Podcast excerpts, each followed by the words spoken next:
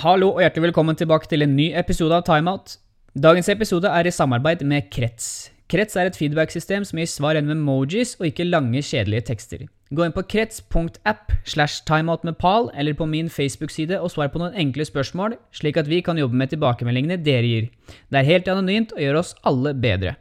Vår neste gjest er grunnlegger av The Human Aspect. Vi snakker om erfaringer fra Leger uten grenser, perspektiv, viktigheten av å være en god støttespiller, og hvordan du selv kan ta grep i ditt eget liv. Dette er spørsmål vi annet skal gå under runden på. Så uten videre introduksjon, la meg få presentere vår neste gjest, Jimmy Westerheim.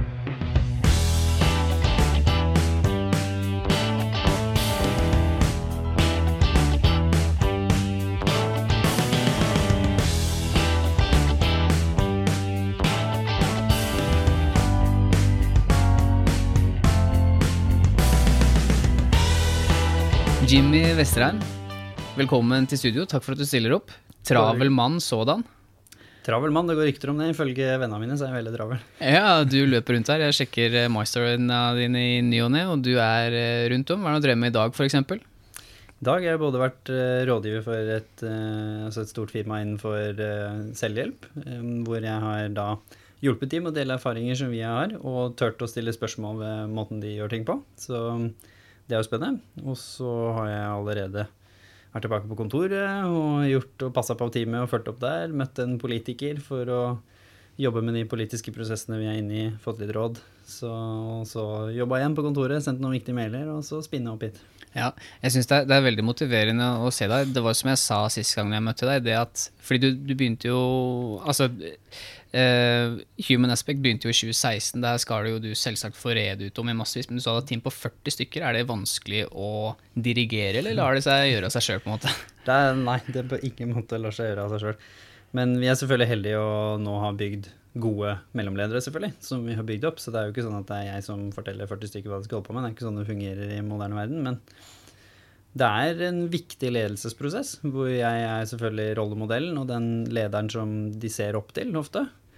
Og som må steppe inn hvis det er utfordringer som må møte på. Og i mm. tillegg så er jo jeg direkte leder for eh, alle i lederteamet, da. Ja. Og i tillegg til noen i mine egne team. Så det er litt sånn som å ha barn, på en måte. Uten at jeg, jeg har aldri hatt barn, så nå kommer jeg sikkert først dritkjefte alle foreldre. Men uh, jeg, jeg, mistenker at det er litt sånn som å ha barn på lånt tid. For jeg må jo ikke ha dem med meg hjemme. Si. Ja.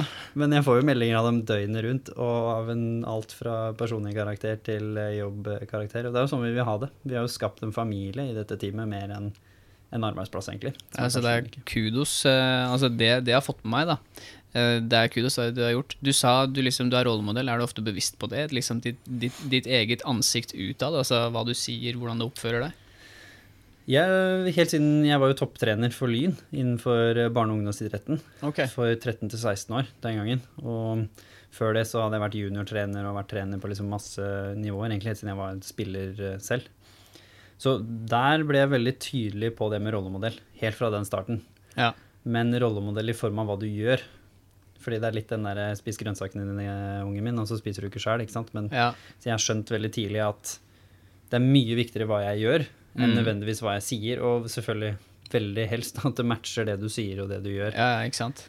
Så jeg er veldig bevisst på det, men ikke den i formen av at man er så bevisst på det at man ikke er seg selv. Det er mer at jeg er meg selv, samtidig som jeg tør å utfordre meg selv når kanskje egoet mitt eller lille barn i meg blir misfornøyd eller har lyst til å kanskje eh, utagere eller bare ta fri en dag eller liksom stikke av fra noe, så, så, blir man litt sånn at Nei, nå har du valgt å ta den rollen du har, ja. eh, og da må du stå i den. Da må du tørre å akseptere at ja, det vil gjøre livet ditt litt annerledes når du er i en lederrolle enn hvis du sånn sett i utgangspunktet da ikke er det. da. Men hva gjør du når det, når det begynner å blåse? da? Altså når, er, når, det, når, denne familien skal ha tak i deg, alle barna skal ha en arm hver, på en måte, hva gjør du da? Hvordan klarer du å liksom strukturere det? Nei, altså, Det er litt det samme. Du må tørre å gå inn i det og, og, si at det er sånn du vil ha det. For å snu det til at det er positivt, selv om det er tøft. Ja.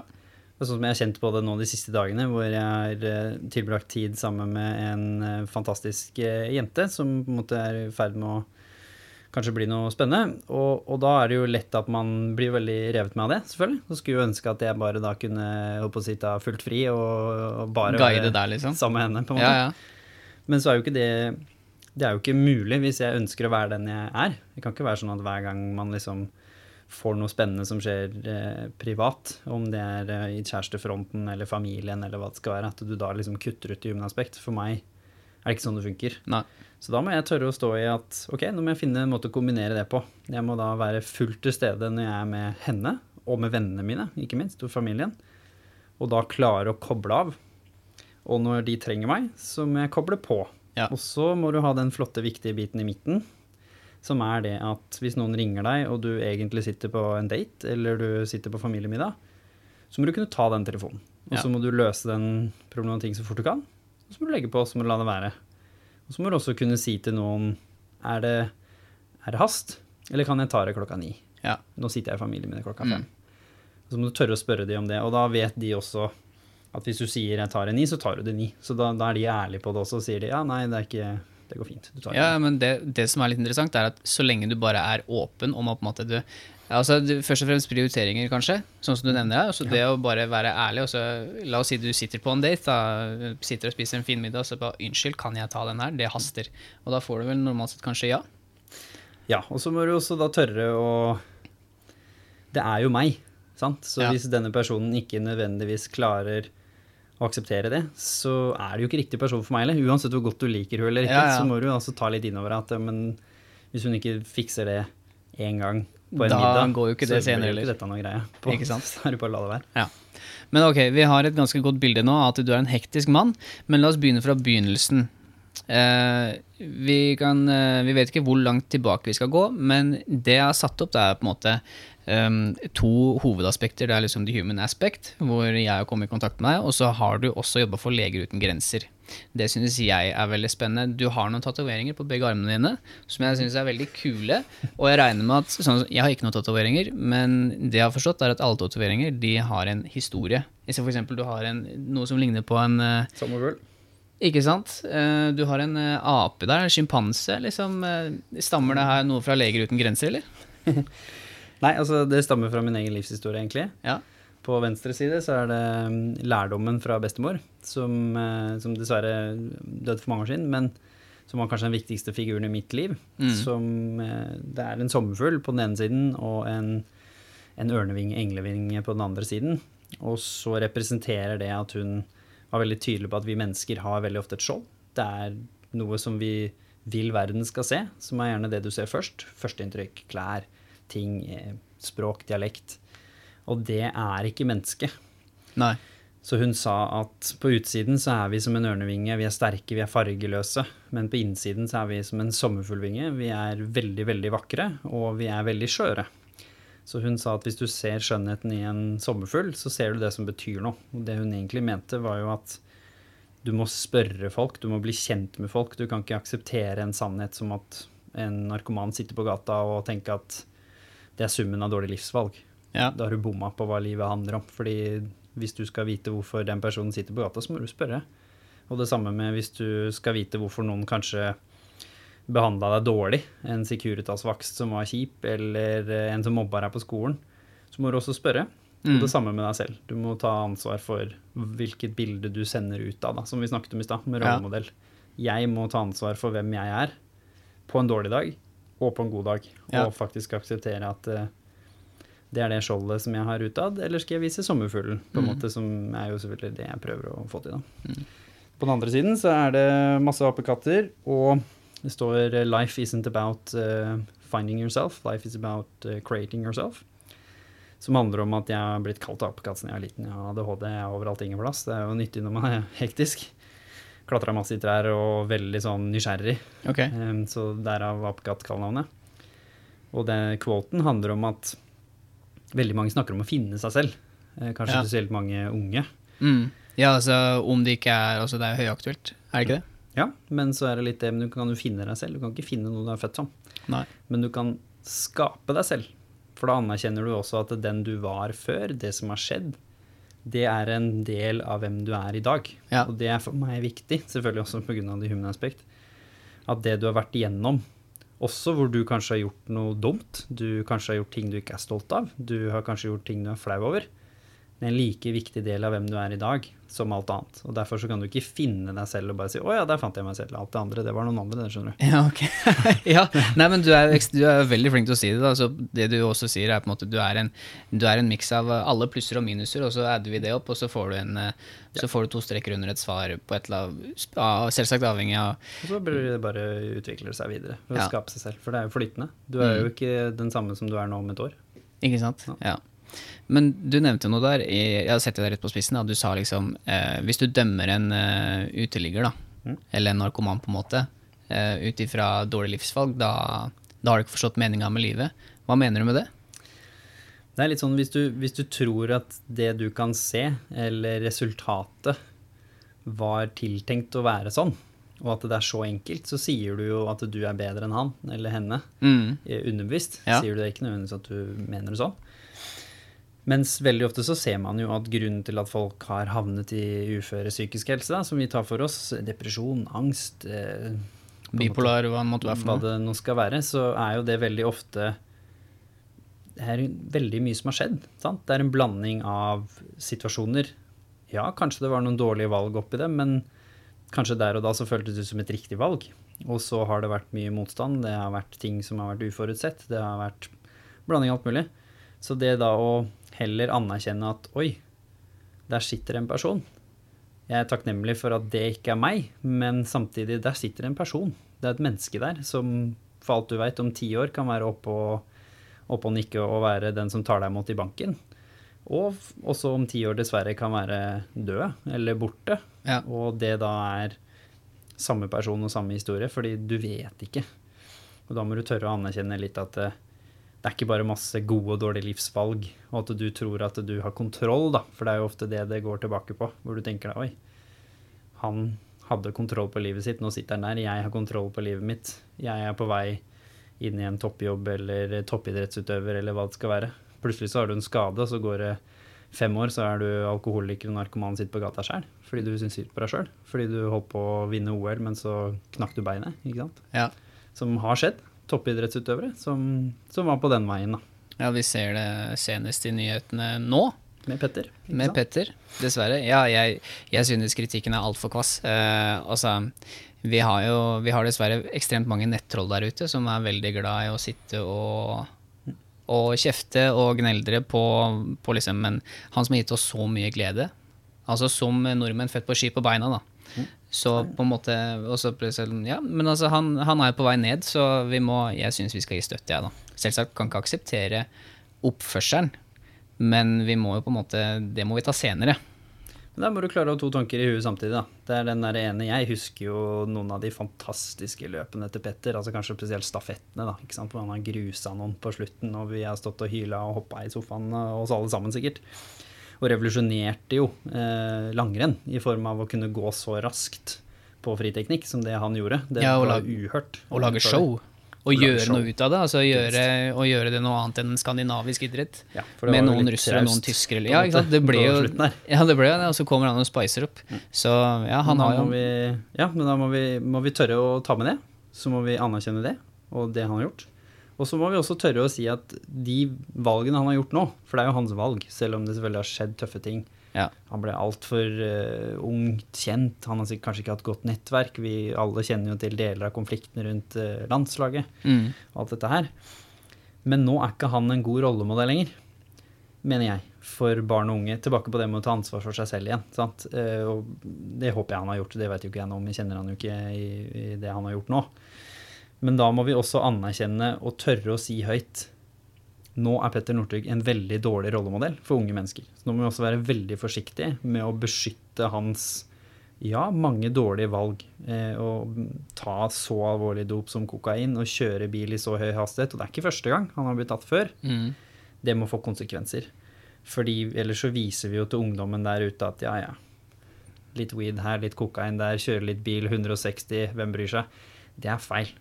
Så da må vi tørre å sette ned foten. Og så, som du sier, så må vi også tørre først og fremst å anerkjenne gutten trenger hjelp. Ja. sant? Han trenger hjelp, men han er ikke en dårlig rollemodell. Og han har vært en fantastisk foregangsfigur innenfor ski. Mm. Og alle de tre Petter Northug fins i Petter Northug i dag. Og det er litt viktig å ta fram, og ikke da tenke at enten så er han djevelen eller så er han engelen, for han er jo ingen av delene. Han er jo som alle oss andre et eller annet sted i midten. Ja.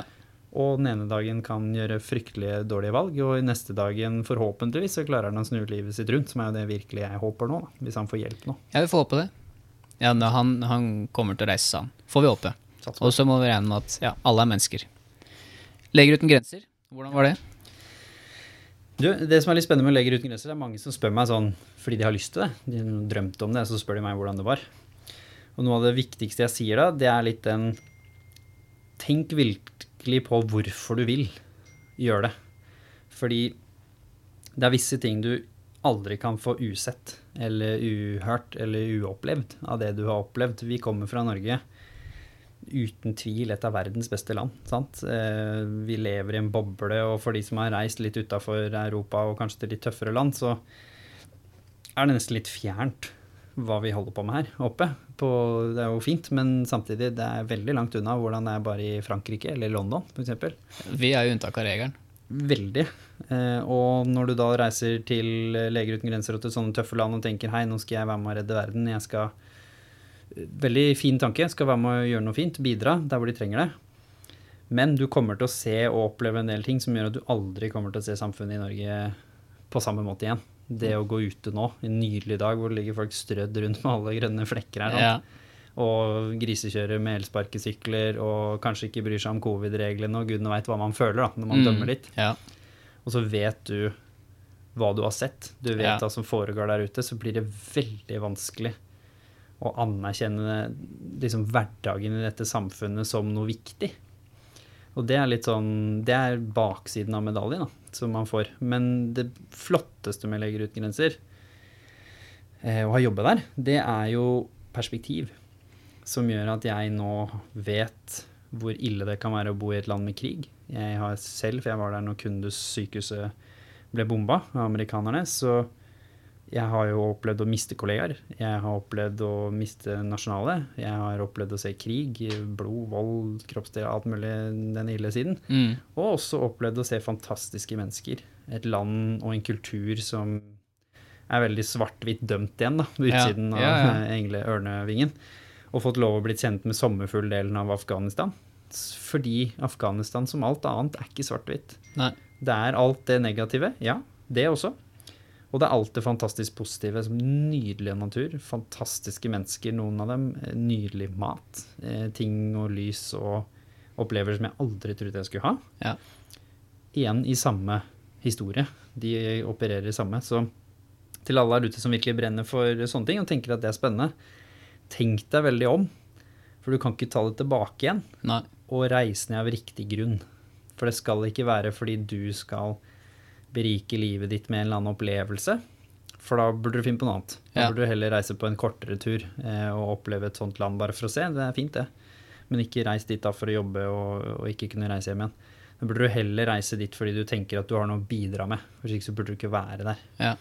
Og da tenker jeg at du er sykepleier, eller som meg, du har jobbet innenfor logistikk, og tenker at jeg har kompetanse som jeg kan ta med ned hit og gjøre en god arbeidsinnsats som en hvilket som helst annen jobb.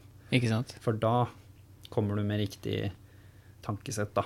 Og da vil du mest sannsynlig også gjøre det bedre, og ikke få dette sjokket hvor du sitter med en traume da, som du rett og slett bare ikke kan gi fra deg. rett og slett. Ja. Fordi jeg Det er veldig interessant det du sier om perspektiv. Jeg har jo ikke langt nok i nærheten av samme opplevelsen som du har. Jeg har på en måte to år i utlandet, jeg har sett to forskjellige land, hvordan de opererer. Jeg har venner fra forskjellige nasjonaliteter rundt om i verden, men jeg har jo ikke opplevd krig. Jeg har bare tenkt eh, Når jeg hører eh, noen klage over ditten og datten, så tenker jeg herre Jesus, du har ikke sett den der eh, hjemløsstripa i Los Angeles med 100 000 og gått forbi der. Du har, ikke, du har ikke sett folk som sliter. Men det er jo bare også i den vestlige verden. Jeg tenker Nå må du dra østover. Altså, har du noe sånn taushetsplikt? Kan vi snakke om det her? Altså, kan du fortelle om et eksempel? Liksom? Et eksempel, da. En, et, et eksempel hvor du som virkelig sitter igjen, på en måte. Som lytterne også kan få kjenne litt på hva du faktisk har følt. Ja, jeg har jo vært i over 50 land, eh, og bodd i åtte av dem. Jeg har vært i alt fra Nord-Korea, Afghanistan, sånne tøffe typer land, til Singapore. Altså høymoderne, Ja. spennende land eh, på den fronten, og spennende land på den andre. Og selv i veldig mange av de landene jeg har vært, så er det stort sett alltid vært håp, på en måte, å spore i øynene til folk. Eller hvis du snakker med folk. Det har vært drømmer, det har vært det har liksom vært ting der hvor du tenker at ok, vi er ikke så langt unna hverandre, du lever i en annen kontekst enn meg, og kanskje litt uh, mer uheldig, selvfølgelig, men vi tenker på relativt lik måte. Vi drømmer om å bli fotballspiller, og vi drømmer om å bli Ja. advokat og ikke sant, de samme ja, tingene. ja. Men i Afghanistan så er det første landet jeg har vært i hvor det er ingenting. De har ikke Altså, det har vært krig i 50 år, sant, så de på Mm. vår alder, de Altså, fred Forstår ikke konseptet engang. Nei. Så når du spør dem hva drømmer du om, eller hva har du lyst til sånn, hva- Ja, spesielt hva drømmer du om, så er ikke tanken noe langsiktig. Nei. Tanken er noe som har noe med nå å gjøre, og det er, svaret er veldig ofte 'komme meg vekk'. Svaret er en eller annen versjon av sannheten om at de skal flytte vekk fra Afghanistan og eksistere et annet sted. Og hjelpe familien hjem. Sånn klassisk studere et annet land, flykte til Norge og sende penger hjem, eller hva det skal være. Ja. Og det er hele drømmen deres. De har ikke engang forståelsen av seg selv som viktig nok til at de får lov å ha verdi. De er bare en brikke de, i å kunne hjelpe familien med et eller annet. Og det er det. Og det var veldig tøft å se på. Og så et litt annet bilde som er kanskje litt mer kjent for folk der ute, det er jo Hellas. Lesvos har jo vært mye i nyhetene. Denne Ja. store greske øya. Mm. Jeg var der. Jeg hadde jo da bodd i Afghanistan et år, så jeg kunne litt uh, dari, altså af afghansk språk. Jeg møtte en uh, liten gutt når jeg var, liksom, skulle se på leiren, og vi skulle liksom se hvor ting var. Kom en liten guttunge bort, har liksom en veldig sliten Ronaldo-skjorte på ryggen, så jeg skjønner at han liker noe fotball. Han driver Ja. og tusler rundt med en ball. Jeg er jo gammel fotballspiller, så jeg spiller litt med han, spør liksom Hei, hvordan går det, hva heter du, ikke sant? Chetorasti, Janinjor, liksom spør på afghansk. Og så spør jeg eh, familien Chetorast, hvordan går det med familien? Ja. Og han er kanskje ti år, da, guttungen. Og så ser han ned, litt til høyre, og så sparker han en stein. Og så går han vekk. Og så skjønner du at du har driti deg ut. Ja. Skjønner når du har spurt om noe som ikke har godt svar. Ja. Og så spør jeg jo han ved siden av hva, hva skjedde nå, på en måte. Og så kjenner du jo bare det der suget i magen hvor du bare sånn Nå gjorde jeg noe dumt. Ja. Og så viser det seg jo at begge foreldrene hans har jo dødd. Mm. Ikke sant? På vei til, eh, til Lesvos, en ti år gammel gutt. Hvor du da virkelig kjenner på den der bare sånn Jeg prøvde jo egentlig bare å være hyggelig. Ja. Sant? Prøvde jo egentlig bare å gjøre mitt beste. Jeg kom fra Norge, skal være med og bidra, skal gjøre en forskjell. Og der vil en hel haug med frivillige fra Norge som reiser ned. Det er de opplevelsene du kan reise hjem med. Hvor du kan kjenne på at du kommer ned, og så er det bare håpløst. Fordi du prøver så godt du kan, men du må deale med ting som det gir jo ikke noe mening for deg å forholde deg til det engang. Og det er litt viktig å kjenne på når vi er her og kanskje er litt dømmende, da. Når vi snakker om send dem hjem eller steng grensa eller hva det nå skal være, så kan det være litt viktig å tenke på at nummer én Ingen som sitter i en ørken i Afghanistan og snakker om Nav, om at de skal reise til Norge, og så nå skal vi utnytte tjenesten, og så snakker de om det der nede, og så har de en devious plan. Ja. Hvordan dette skal gå veien. Er ingen. Nei. Og Norge er veldig, veldig langt unna. Så de som havner helt opp hit, som har klart å komme seg hit gjennom enten politiske ressurser eller hele fysiske veien Vi har intervjua folk som har gått fra Afghanistan til Norge. De er mennesker som virkelig ikke nødvendigvis har noen andre valg. Så igjen, ikke dømme Ja. På at dette er liksom masse dårlige valg. Og da anerkjenne at disse menneskene har enormt å bidra med. Hvis du først kommer deg hit, da er du full av Da er du viljestyrke, ass. Og heller da tenke at vi skal hjelpe dette mennesket her, hvis de vil være en del av samfunnet, selvfølgelig. Man må ønske å bidra også. Og vi skal stille krav til språk og alle disse tingene, selvfølgelig. Så burde vi støtte dem. Og så burde vi være dritstolt av at vi har fått mennesker som genuint ønsker å komme hit, og som ønsker å være en del av samfunnet og ønsker å bidra. Så må vi hjelpe dem på veien, for dette er mennesker som Det kunne vært oss. Det er den, den tanken. Den klassiske Syria havnet jo i den krigen. De tok imot masse tyrkiske og flyktninger og libanesiske flyktninger bare noen år før, når det var krig og konflikt der. Mm. Uten å si noe som helst. Kjempefornøyd. Og med en gang mynten var snudd andre veien, så var det gnål og sutring med en gang når Tyrkia og Libanon skulle ta imot syriske flyktninger. Sant? Og Europa begynte jo å grine etter fem minutter, mens Libanon har jo halve landet deres er jo full av flyktninger.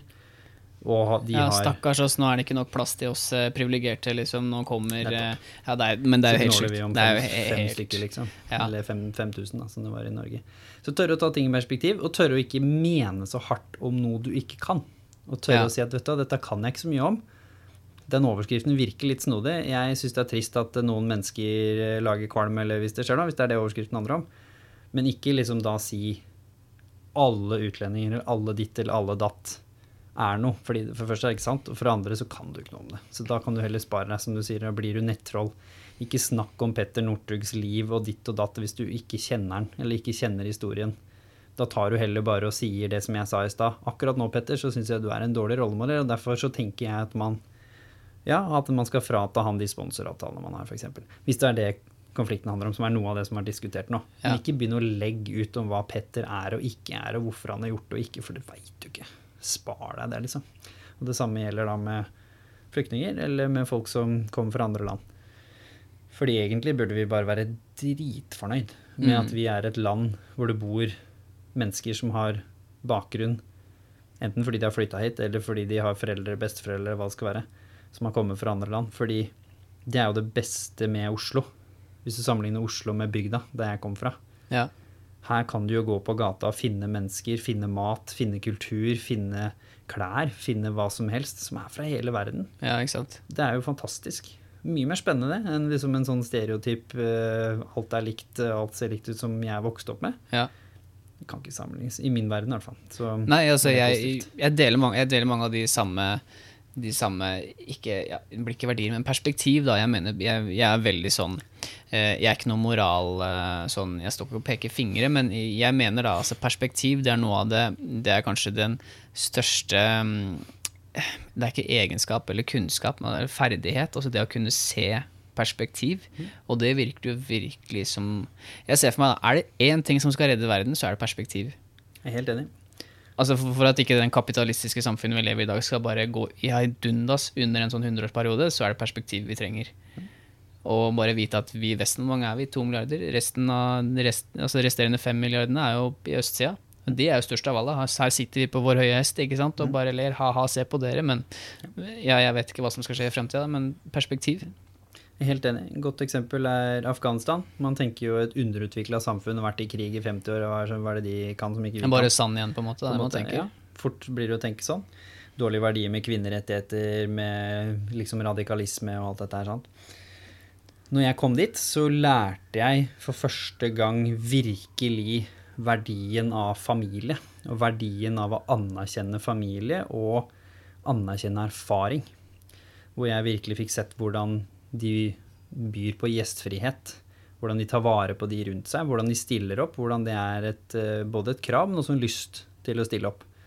Og den hadde ikke jeg kjent på, som kommer da fra liksom det mer moderne samfunnet og mindre familie, og alle skal fokusere på det de skal sjøl, og ikke sant, for bestemor kaster vi på gamlehjemmet med en gang hun ikke klarer å passe på seg sjæl, og ikke sant. Den tankegangen der. Mens det er jo helt motsatt av i Afghanistan, hvor de selvfølgelig skal passe på de eldre. Hvor bestemor passer på kiden, og mamma studerer. og liksom, Det er jo en dynamikk her som er jo laget for at familien skal lykkes. Mens i Norge så har jo vi, ikke alle igjen, den er stereotyp, men samfunnet generelt har hatt mer fokus på at enkeltindividet skal lykkes, enn at et kollektivt samfunn som en familie eller et fotballag eller hva det skal være, sammen skal lykkes. Og det som er litt spennende med det, er jo at da tenker man sånn Oi, vent litt. Jeg trodde vi var de utvikla her. Sant? Ja. Så skjønner man at det, selvfølgelig kan alle lære noe av alle. Og det er jo ikke svart-hvitt sannhet på hva som er riktig og hva som er galt. Det er fordeler og bakdeler med alt. Men ja, det å anerkjenne at perspektiv, og at det ikke fins enkelte svar som er riktige, og enkelte svar som er gale, er jeg helt enig i er nok redningen på hvordan vi må bygge samfunnet fremover. Ja. For det samme med nordmenn. Nordmenn er alle som ønsker å være nordmenn i Mm. min verden. Ja. Uansett hvor de kommer fra, eller om de har vært der i fem minutter, eller om de har vært der i 200 år, er jo helt irrelevant for meg. ja. Så lenge de vil være en del av samfunnet, da er du nordmann. Jeg Hvis du vil tenker så er jeg. Ja. Noe i den duren. Ja, Har du lyst til å kalle deg nordmann? Jeg har hele mitt liv ikke kalt meg selv nordmann. Fordi, Hvis ikke jeg har blitt spurt hvor er du fra, på en måte. Fordi jeg har jo vokst opp med å være annerledes på bygda, og ikke følt meg som akseptert. Kanskje mer til felles med de da som identifiserer seg selv som multikulturelle enn mine Ja. såkalt fellow eh, Ja. Norwegians. da. Så jeg har jo kjent på det andre veien. Hvordan det er å føle at det ikke er plass til deg i det samfunnet du er i, selv om du da per definisjon stamtavle-wise skulle liksom si Ja. at du tilhører denne stammen, da. Så derfor så er det litt sånn fint å anerkjenne det, da. At eh, hei, folkens, kanskje vi skal gjøre ting litt breiere. Og slutte å liksom tro at vi skal ha disse her små boksene hvor du skal stappe alt i. Og der er perspektiv og nysgjerrighet, selvfølgelig, for å få økt perspektiv, nøkkelen. Ja. det da å tørre å kanskje hele tiden lede med at jeg veit faktisk ganske lite, og jo mer jeg finner ut av, jo mer skjønner jeg at jeg veit lite. Når er det det perspektivet Eller første gang du fikk opplevelsen av perspektiv, da. Mm. Når er det den kom inn, på en måte? Var det en spesifikk opplevelse? Var det, en, eh, var det når du satt på dass? Eller altså, når, er det, når er det den kom? Da bare wow, shit, jeg kan ingenting. Første gang man opplever perspektiv, tror jeg for min del var første gangen jeg reiste til det afrikanske kontinentet og opplevde å møte mennesker som var blidere enn jeg noen gang hadde møtt i Norge. Ja. Og så har det mindre enn noen jeg noen gang har møtt i Norge. Og da blir man litt sånn Hei, vent litt. Hele den lærdommen og hele den tanken som jeg har vokst opp med, at liksom fotballspillere får ting, biler Altså, jeg som alle Penger på andre har jo konto, fylle opp BSU, om kjøpe seg leilighet, leilighet. Ja. ikke sant? alle de tinga der. Bare hei, vent litt. Det gir jo ikke lykke. Det kan bidra til det, selvfølgelig, hvis du får til ting du vil her i livet og kan hjelpe familien eller guden eller deg selv, eller hva det skal være. Og penger betalte meg jo ned til Afrika, så jeg skal jo ikke det kontinentet eller til Zambia Ja, ja. som jeg var i. Så det er jo ikke det at jeg ikke skjønner verdien i det. Men de var genuint takknemlige og lykkelige for nuet. Det var ikke, var ikke jeg. Jeg tenkte bare på fremtiden, eller fortiden. Ja. Det var ikke så farlig hva jeg drev med akkurat nå. Mens de var sånn Jeg tok med en ball som jeg hadde med fra Lyn, som jeg jobba for. Tok- med den ned. Og det var sånn liten sånn trikseball, egentlig. Veldig fin, helt ny. Ga den til de. Alle sammen delte på den. Jeg tror faktisk genuint at den ble, ballen ble brukt i 24-7. Ja. I to dager så hadde den gått i stykker. Da var, det, da var den brukt opp. Ja. De hadde ikke gjort noe gærent. Den bare hadde, hadde oppnådd like stor bruk som i Norge sikkert hadde tatt to år på to Ja, dager. ja, ja. Og da skjønner du liksom at oi, her kan veldig lite gjøre veldig mye. Hadde jeg gitt en eller annen random trikseball til fotballaget mitt på Lyn, til gu- kidsa der, gutta der, så hadde de bare ja, jeg har jo fire sånn hjemme, hva er det du vil med den? ja. Så vi har skapt et samfunn hvor man kanskje Hvor jeg forsto, da, det første perspektivet jeg fikk der, at hei, det er nok litt mer til den sannheten om hva jeg ønsker å oppnå i livet, og hva som gjør meg glad, enn det jeg trodde. Og da selvfølgelig andre veien også hva som gjør deg ikke glad, med mobbinga og alt det som jeg opplevde da jeg var liten, hvor jeg kanskje ga det for mye makt, og tenkte at det skjedde meg. Ikke at jeg faktisk hadde noen form for skyld i det selv. Og skyld er feil ord, for det var mer rolle Ja. i det. Jeg var jo der. Jeg kunne jo ha gjort ting annerledes. Jeg kunne ha vært med andre mennesker. Jeg kunne ha ilagt det de sa mindre verdi, osv., osv., som jeg til slutt gjorde. Og da snudde jo ting. Ikke fordi de som mobba meg, fant en annen skole, liksom, eller at jeg bytta skolen. Det kan være løsningen, ja. Men for meg så var jo løsningen at jeg fant min plass og min rolle, og begynte å være meg selv, og ikke bare agere på det de gjorde. Og plutselig så glemte de å mobbe meg litt. Mobbinga traff ikke så godt. De som til slutt mobba meg litt til slutt igjen, ja, brydde jeg meg ikke om, liksom. Og så gikk det over, da. Jeg skal prøve å speile deg litt der. Det var litt sånn at du tok litt mer ansvar for ditt eget liv, egentlig. Og bare sånn, du, i. Du var ikke sånn der, du, jeg knocker deg ned hvis du, hvis du sier dette en gang, bare, hvem er du egentlig til å si noe om mitt liv, og hvem f... er du til å si hva jeg skal gjøre med mitt liv? Altså, bare hold deg unna. Mm. Ja. Du er ikke noe bedre enn meg i det hele tatt. Du rakker ned på meg bare for at du skal føle deg bedre. Eller hva nå enn. Hva, ikke sant? Ja. Samme det. Det Så er fint. kom, kom the human aspect som mens du, mens du drev på, mens du var og reiste rundt i verden, eller var det på en måte bare et eh, produkt av at, vet du hva, jeg vil, jeg må finne et kall, jeg vil gjøre noe for mennesket, på en måte? Nei, det er jo det som er litt spennende, da. Jeg tror ikke personlig at et kall på en måte bare dukker opp i posten din eh, på en måte, på den måten. Jeg har helt siden jeg var liten genuint følt at jeg hadde lyst til å bidra med noe stort. Jeg har alltid vært trukket mot mennesker som kanskje har fått til store ting. Da snakker vi om rollemodeller igjen. Alt fra Nelson Mandela og den gjengen der innenfor måte menneskerettigheter og sånn, til store idrettsstjerner som har vært mer enn bare noe på banen, som har betydd noe. Ja. Så ja, jeg har vært tiltrukket mot det siden jeg var liten, men jeg hadde ikke hatt noen plan. Og har jo vært i min egen lille verden og fokusert på neste skolevalg og neste jobb og de små mm, tinga, jeg òg. Og plutselig så sto jeg der. Eh, kom tilbake fra Afghanistan, kom tilbake fra Hellas, Lesvos, hvor vi slapp lille Ahmedjan, som vi snakket om i stad. Og så sto jeg i Norge med to måneder før neste oppdrag. Og ADHD. Og da, ja. da Bruke det, sånn, liksom. Hva skjer da? Ja. Da blir det ikke noe to måneder ferie og Nei. tenke at å så deilig, skal jeg henge med alle kompisene mine som ikke har fri, Ja. og venninnene mine. Nei, da ble det at jeg tenkte oi, hvorfor er det sånn at vi alle sammen ikke deler det når det går dårlig? Hvorfor klarer vi ikke å snakke sammen når vi står i ting? Og så så jeg da plutselig tilbake til alt jeg har opplevd. Jeg knuste jo en skive i ryggen i Singapore når jeg var 27, når jeg jobba der i internasjonal shipping, for Fredriksen er jo det, liksom det andre livet jeg har hatt, holdt jeg på å si. Ja. Eh, Jeg mista bestemoren min eh, når jeg var veldig ung, eh, 22, og på en måte var viktigste person i livet mitt. Jeg ble mobba og holdt på å ta selvmord da jeg var 13. Altså en haug med ting som har skjedd. Store ting. Ja. Og så ble jeg litt sånn Fellesnevneren er at jeg sna vi snakker jo ikke om det. Mm. Hvorfor ikke det? Og hvilket, hvilket år er vi nå? Nå er det 2016, Ja. og da blir jeg litt sånn Hva er det jeg egentlig er god på? Spurte jo jeg meg selv når jeg knuste skive i ryggen i Singapore og lurte på hvorfor i all verden jeg satt der og levde drømmelivet til alle vennene mine innenfor shipping, og ikke det jeg egentlig ville. For det, det var det jeg oppfatta det som når Ja. jeg måtte stoppe for første gang fordi jeg bokstavelig talt knakk ryggen. Og da hadde jeg endelig funnet svaret, da, etter halvannet år i, i Leger uten grenser. Og svaret var jo at jeg har jo alltid vært god til å få mennesker til å åpne seg. Og få mennesker til å kunne formidle en historie. Og ikke minst jeg har vært god til å formidle en historie. Og jobbe med å skape ting. Det har jeg gjort siden jeg var liten. Ja. Så da ble det litt sånn Hæ, hva kan vi gjøre med det? Jo, da tenkte vi da går vi på gata, og så prøver vi, prøver vi å teste teorien. Om det er noe hold i de greiene her. Tok vi med kamera, en kompis av meg, Kumi, som skulle filme, og jeg skulle da intervjue random folk her i Oslo, som vi møtte, om den tøffeste utfordringen de har stått i noen gang, og hvordan de har kommet gjennom det, og hva de har lært. For noe de aldri har hørt om. Det var en Instagram-konto med et bilde den gangen. Ja. Eh, til noen som de da aldri har møtt. Ultimate utfordring. Får jeg folk til å gjøre det nå, Ja. så er det noe her. Halvannen uke seinere hadde vi da 30 intervjuer, og skjønte jo med en gang at dette får vi jo til. Mm. Og så begynte vi rett og slett å bare tenke ok, men hvordan skal vi bygge, hva skal vi gjøre med dette her? Ja. Jo, vi bygger et bibliotek, da. Livserfaringsbibliotek med okay. menneskers livserfaringer. Hvor da andre mennesker kan komme og lære og få den innsikten.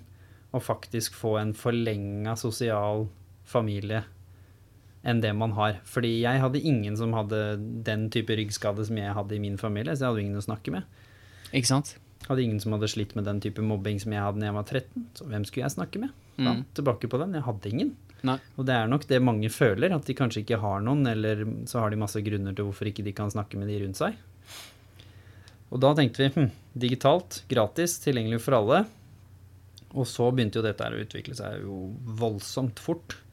Og plutselig så var det litt God morgen Norge, og så var det plutselig at vi intervjua Chris Medina, og så Kjell Magne Bondevik, og så når det dukker opp litt kjendiser, så øker jo interessen, og så plutselig så satt vi der og skjønte at dette er jo ikke bare et inspirasjonsbibliotek.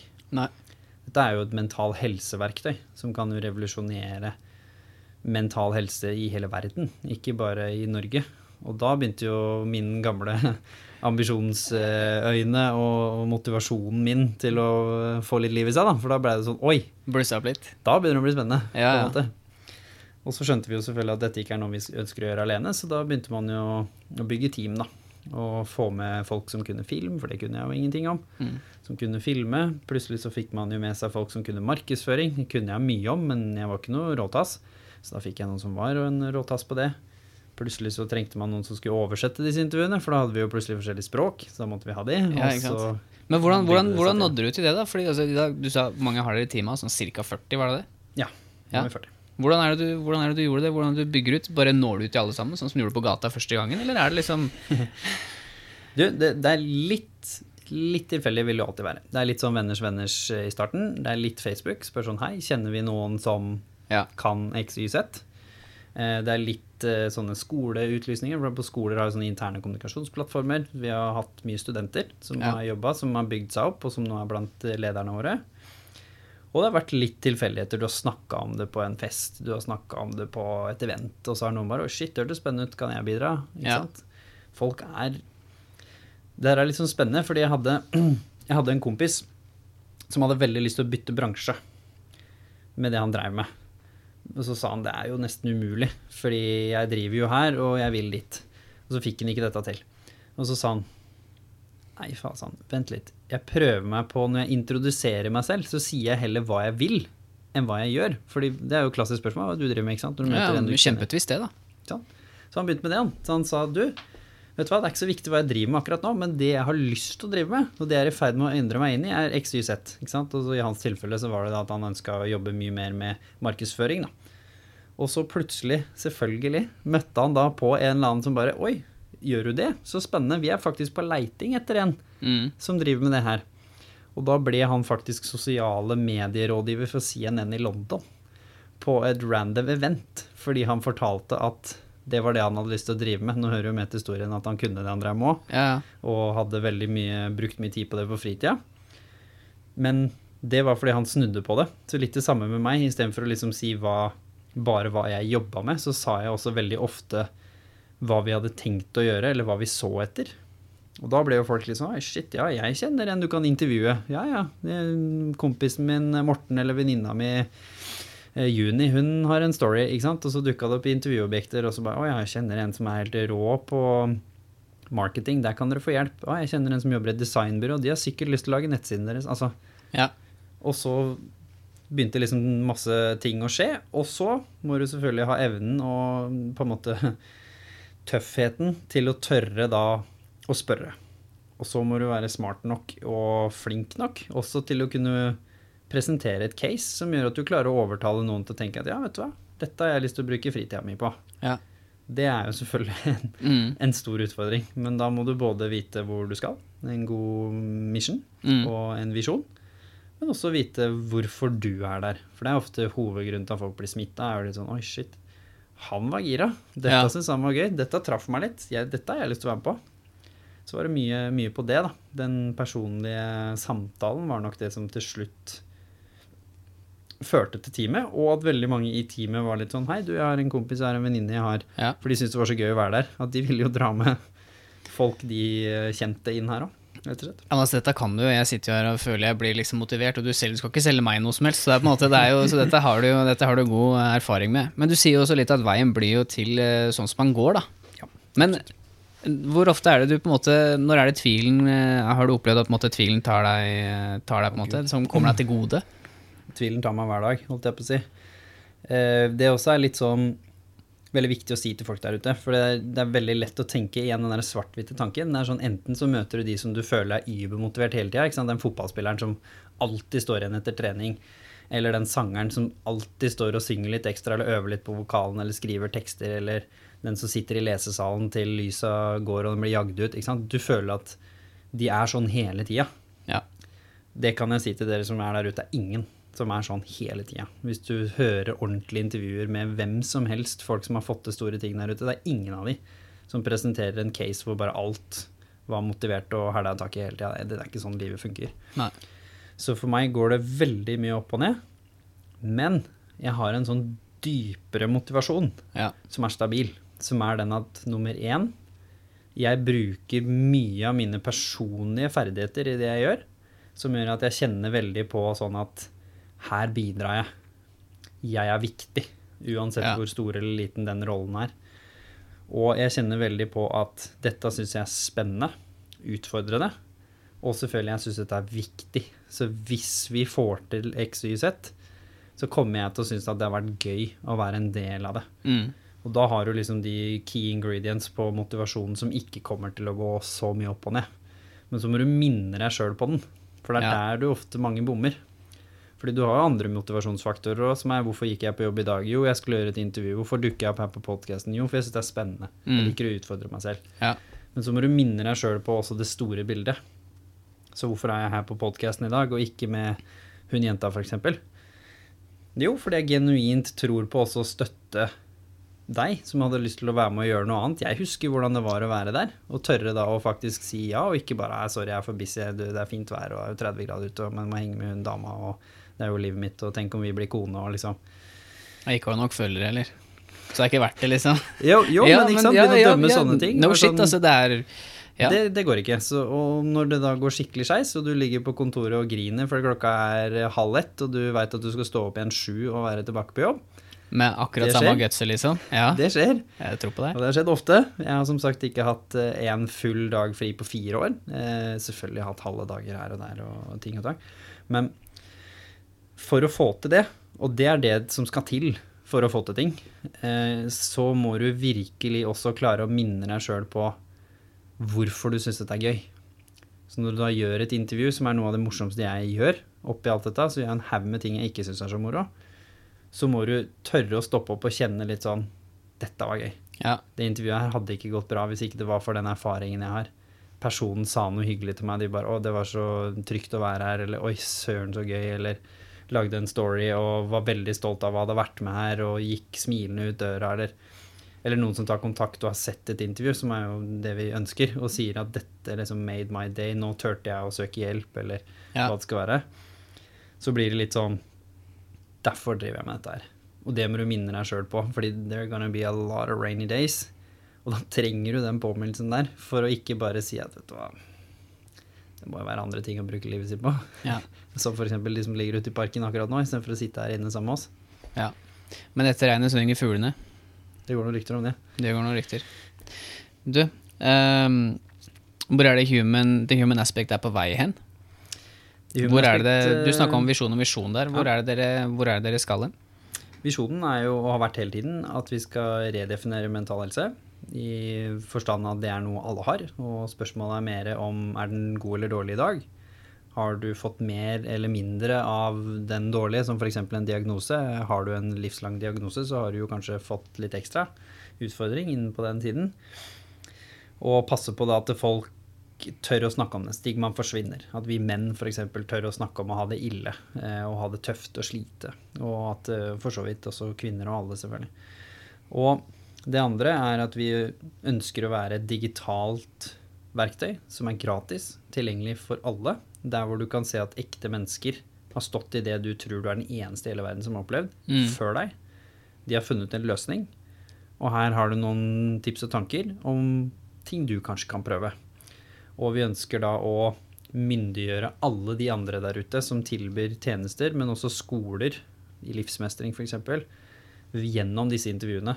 Hvor de da kan bruke dette store verktøyet helt gratis for å øke kunnskapen i samfunnet om psykisk helse. For det er det vi føler kanskje er det viktigste her, da. Fordi har vi ikke selvinnsikt og kunnskap om det, så kan det gå skikkelig gærent. Det er flaks at jeg sitter her i dag. I det hele tatt. Og hvis jeg hadde hatt mer kunnskap når jeg var 13 om hva som kan skje hvis du blir mobba, hva som kan skje når det skjer noe tøft hjemme i familien, og hva som skjer når du blir sinna eller frustrert eller lei deg, og hva du kunne gjøre med det for å snu det, så hadde jo ikke jeg havna i det treet og vurdert å tatt mitt eget liv i det hele tatt. Da Mm. hadde jeg jo mest sannsynlig bare deala med det og kommet meg videre uten å liksom potensielt vært så uheldig da, at jeg kunne faktisk endt om å, å tatt mitt eget liv Mm. i den prosessen her. Og det er vårt ansvar som samfunn. Det er Ja. ikke noe du kan stappe over på mamma og pappa og si ja, men det er familiens problem. Nei, det er vårt problem som Mm. samfunn. Og derfor må skolen ta dette inn som fag. Vi må kunne være der, det må være tilgjengelig. Vi rollemodellene må gå foran, vi må snakke mer om det. Og vi selvfølgelig må ha fokus på at livet går opp og ned.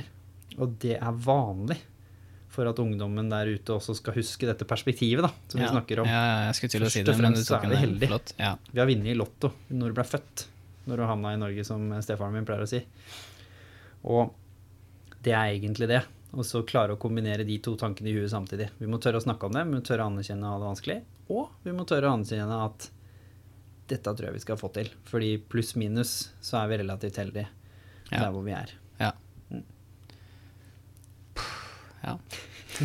Noe sånt. Pluss-minus. Pluss minus. Og to, men du, Ja. ja. Og selvfølgelig være en organisasjon, da. Fordi vi har jo vært bygget opp på mye frivillighet. Mye studenter, som jeg sa. Mye enorm innsats med, av bedrifter, av frivillighet, av støtte, av folk, av fansene våre, av de som heier på oss, av de som har delt historien sin. Det er jo enormt med mennesker som står bak The Human Aspect. Jeg er jo bare en brikke i det, som har vært med å lede prosessen, men det er jo herre min skaper voldsomt med folk som står til ære for det som er der i dag. Så nå er vi i ferd med som jeg sa i sted, politiske prosesser som gjør at vi kan bli en ordentlig organisasjon, Ja. i form av å kunne betale folk fullt, produsere og skape det vi gjør nå, bare enda mer, Mm. og videreutvikle ting, sånn at vi oppnår disse visjonene våre, og at det er tilgjengelig for alle. Ja. Fordi det er fortsatt ikke alle som vet at vi fins. Og det er jo litt synd, fordi med tanke på at vi kunne vært der for folk ja, ikke sant. helt gratis. Ja. Men det er jo tydelig, da, fordi du ligger jo med, du ligger med visjonen og misjonen utapå brystet ditt. Det ligger jo i blodåra dine. Og det er jo, jeg syns det er morsomt, fordi du gjent, det er sånn gjentagende nå, hvor du snakker om på en måte, det er, det er vi, det er aldri noe jeg, på en måte. Du, så du er veldig, velreflektert. Det er motiverende å sitte og høre på deg, Jimmy. Det er dritkult, altså. Eh, ja. Litt sånn derre Vi snakker jo nå om mennesker, ikke sant. Jeg er jo sånn halvveis innpå tre kvart det samme temaet du har av. Kanskje jeg kan klatre meg opp dit du er en dag, men det tar jo tid, selvsagt. Men hva har det å si, da, altså, når vi snakker om menneske? Når du sliter som menneske, hva skal du gjøre? Hvor, hvor, hva, altså, når, du, når du står der, da. Du snakka om et tre der, så kan vi på en måte innbille oss hva enn det måtte være for noe, eller om det er en kniv over et håndledd, eller om det er tanken på noen piller, ikke sant. Hva gjør du? Jeg tror det første du må tørre å anerkjenne, er at dette klarer du ikke aleine. Nå står du i en så tøff utfordring og er mest sannsynlig et så subjektivt mørke, for det er det det er. Ja, Det er er subjektivt. viktig å anerkjenne. Det er Hvis noen hadde sett den situasjonen du står i nå utafra, ikke for å si at den ikke er så ille, fordi den var ille for meg, og den er det for mange der ute, men objektivt sett så er det ikke så ille som det du opplever det, og det er mulig å snu, fordi andre har gjort det før deg. Og de var ikke noe sterkere enn deg, de hadde ikke noe mer ressurser enn deg, de var ikke noe miracle babies.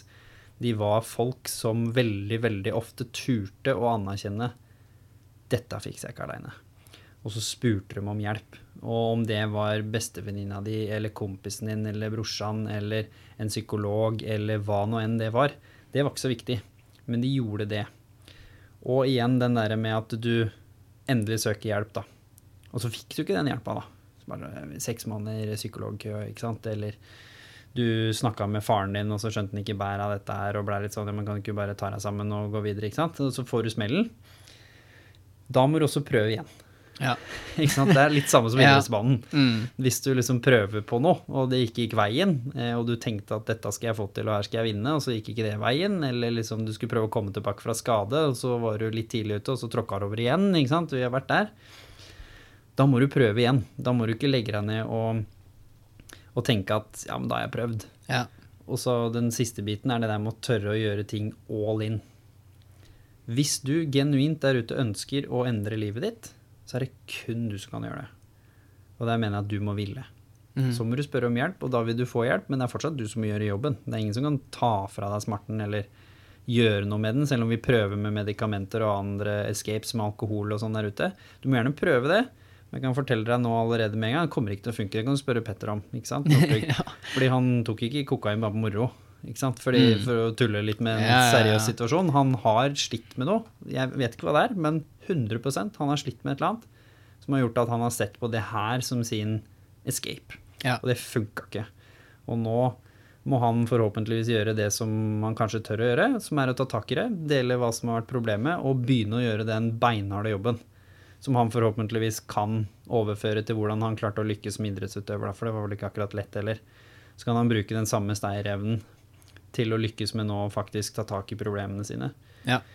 Og det gjelder dere der ute òg. Så hvis du tør da å anerkjenne at dette er meg, jeg har tenkt å ta den jobben, jeg har tenkt å spørre om hjelp, så kommer du til å klare det.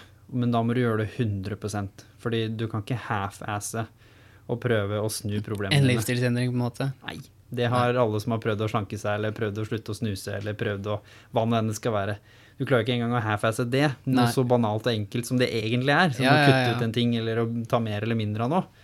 Hvordan tror du da du skal klare å half-asse og snu livet ditt rundt, liksom? Hvis Ja. du sitter der og tenker at det å dø er en bedre løsning, da, som jeg gjorde. Det går ikke. Så tørr. Og ikke minst selvfølgelig, The Human Aspect er tilgjengelig. Det er mye annet flott der ute òg. Hverdagssyken, podkasten vår, er tilgjengelig, hvor du kan da finne litt ekte inspirasjon fra ekte Mm. folk som kanskje har overkommet det du står i. Og da også hente litt tanker og triks der. Og også ikke tenke at du har alle svara, for det har du ikke. Nei.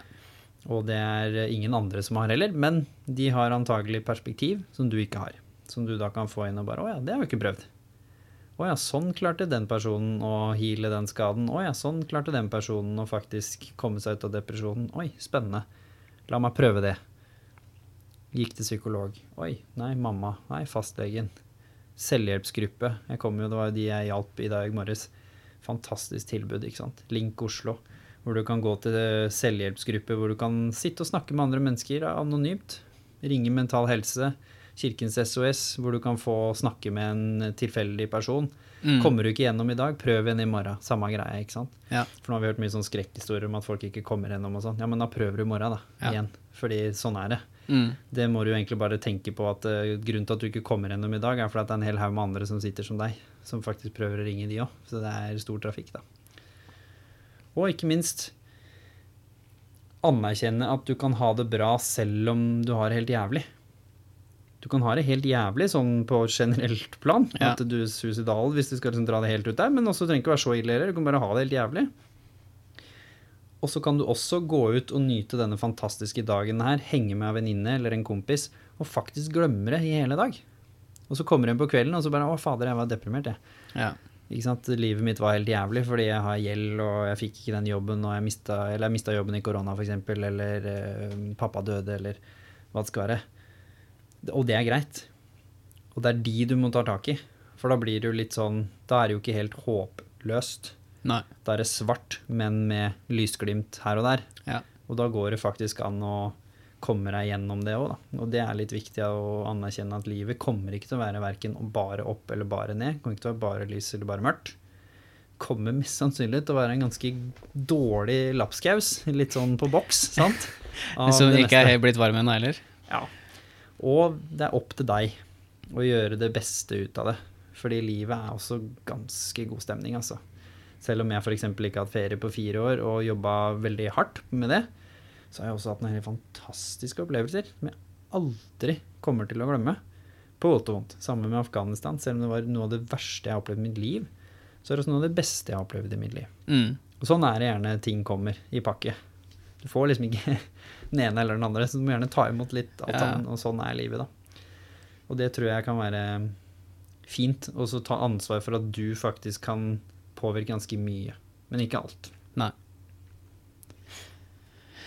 Vi skulle alle hatt en Jimmy i livet vårt, for dette var, eh, dette var skjønt for, eh, for mange, tror jeg, de som sitter og hører på. Det var litt sånn eh, vekker vekk med korona og vekk med Altså, perspektiv, ass. Snakk om eh, erfaringsbasert kunnskap. Altså, dette har du jo virkelig satt deg inn i og fått opplevd både på huden og blant andre. Hjelper å intervjue 550 mennesker. da. Fy fader, ja. Snakk om det, liksom. Ja, Hvor lang tid har du brukt på de 550? da? Er det fire år? Nå er nesten fire år, da. Ja. Det, I oktober så er det fire år siden vi gjorde de første intervjuene. Mm. Snakke om covid òg, ikke sant. Det er fint det er å anerkjenne at vi må ta covid på alvor. Det er seriøst. Du må bidra, din del. Mm. Pass på at ikke du nå svirrer rundt og fører til at dette øker igjen. Samtidig som du anerkjenner at Norge er et av de heldigste land i verden. Og du må anerkjenne at hvis du f.eks. må på jobb for å beholde jobben, eller du må fordi du sliter psykisk, faktisk prøve å ha et normalt liv, så det er viktig for deg å gå i parken og være sosial. og liksom Tørre å finne den balansen, da, og igjen ha perspektiv. Det er ikke sånn enten så er du evil fordi du går ut uten munnbind, eh, og du er liksom the devil, eh, eller at hvis du bare sitter hjemme og tvinner tommeltotter og ikke snakker med et menneske og bader i antibac, så er du engelen. For det er ingen av de to som er sant. Nei. Det handler om å være bevisst igjen og ha perspektiv. Og Ja. tørre å anerkjenne at ok, trenger jeg ta bussen i dag? Nei, jeg har faktisk tid til å gå ned. Mm. Ja, men da gjør jeg det. Fordi på bussen potensielt så kan jeg smitte noen, eller bli smitta. Ja. Ok, ja, jeg vasker meg selvfølgelig ekstra på hendene nå. Jeg går ikke og host, altså Hvis jeg kjenner at jeg hoster og nyser litt nå, ja, men da blir jeg hjemme et par dager ekstra, og så drar jeg på Ullevål eller Aker og sjekker om jeg har covid hvis jeg begynner å kjenne på symptomene. ikke sant? Bare være litt litt Ja. oppegående, på en måte. Ja, sunn fornuft, da. skal til, da. Sunn Det- Litt sunn fornuft, det Ja. hjelper. Og så må vi også tørre å ha det bra Mm. oppi dette her.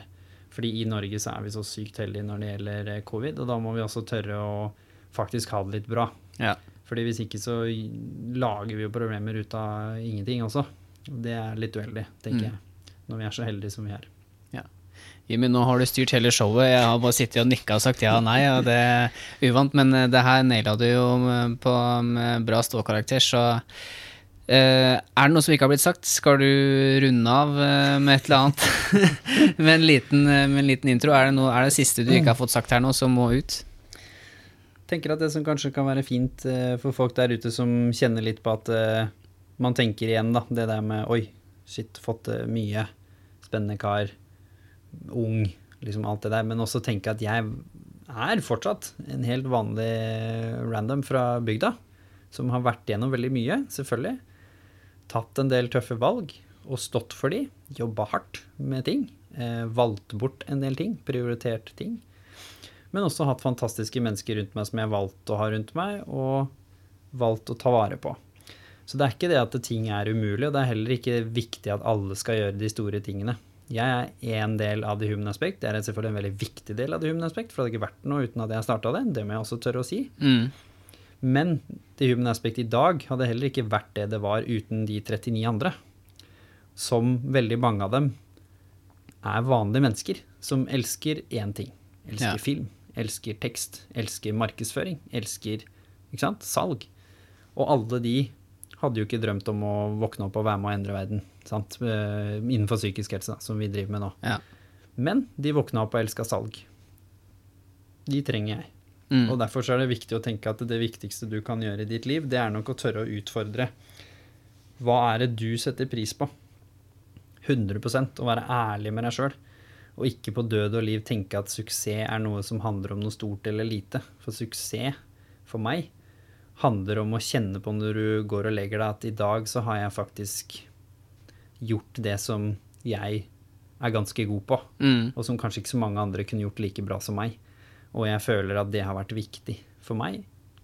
Og jeg har det egentlig ganske bra også, totalt, både på jobben og med vennene mine og med familien min. Fordi jeg har valgt å gjøre det så godt jeg kan. Da tror jeg man kan ligge ganske godt an og tar av deg sjøl litt av det der umenneskelige presset mange unge har ute der, som ikke henger sammen med hva du egentlig vil sjøl. Og Mm. da kommer du til å rote deg ut i noe tullete som endte opp med at jeg satt i Singapore en alder av 27 år, hadde knust en skive i ryggen og ikke visste hvorfor jeg var der engang. Ja. Som er jo helt fjernt. Fordi da jeg hadde latt samfunnet og press og forventninger som ikke var mine, styre livet mitt fram til da. Og med en gang jeg tok tilbake styringa i livet mitt og begynte å gjøre ting som var viktig for meg, og ting hvor jeg tenkte at her har jeg mye å bidra med, så har livet mitt blitt så mye bedre. Kan ikke sammenlignes engang. Godt å høre. Unner jeg deg. Takk. Skal vi runde av? Tror det. Føler vi oss, uh, føler, vi oss uh, føler du at liksom du har fått Ja, Fått snakka ut. fått snakka ut? Ja, men det var kjempedigg. Du, eh, Jimmy, tusen takk for at du tok deg tid til å stille opp. Det satte jeg utrolig stor pris på. Jeg ønsker deg en eh, fin eh, sensommer videre. Hjertelig. Det ønsker vi til alle dere som hører på. Så må du selvfølgelig sjekke ut eh, The Human Aspect og Hverdagssyken-podkasten. Absolutt. Og intervjue ut eh, dama di, som også kommer ut snart. Ja, den gjør det snart. Ja, ja, Det er jo noen uker til nå, da, men jeg vet Ja, ikke når denne podkasten kommer. Men, Ja, men ok, ja. men selvfølgelig, det kommer det òg. Så det er både kjente og kjære i The Human Aspect. Skulle hilse fra henne, forresten. Veldig hyggelig. Flott, det. Skal vi si over og ut? Håper ut. Takk for at du tok deg tid til å høre på dagens episode, og takk til Jimmy som stilte opp. Igjen, dagens episode er i samarbeid med Krets. Krets er et feedback-system som ikke forholder seg til lange, kjedelige svar, men som bruker emojis for å fange feedbacken din. Gå inn på krets.app slash timeoutnepal og svar på tre enkle spørsmål, slik at jeg kan se hva vi må jobbe mer med. Igjen, takk for at du hørte på. Gå inn på iTunes, skrull opp, gi det en stjerne og en vurdering på hva vi kan gjøre bedre. Så ses vi i neste episode. Da er det Kari Trå som gjester studio. Ha det bra.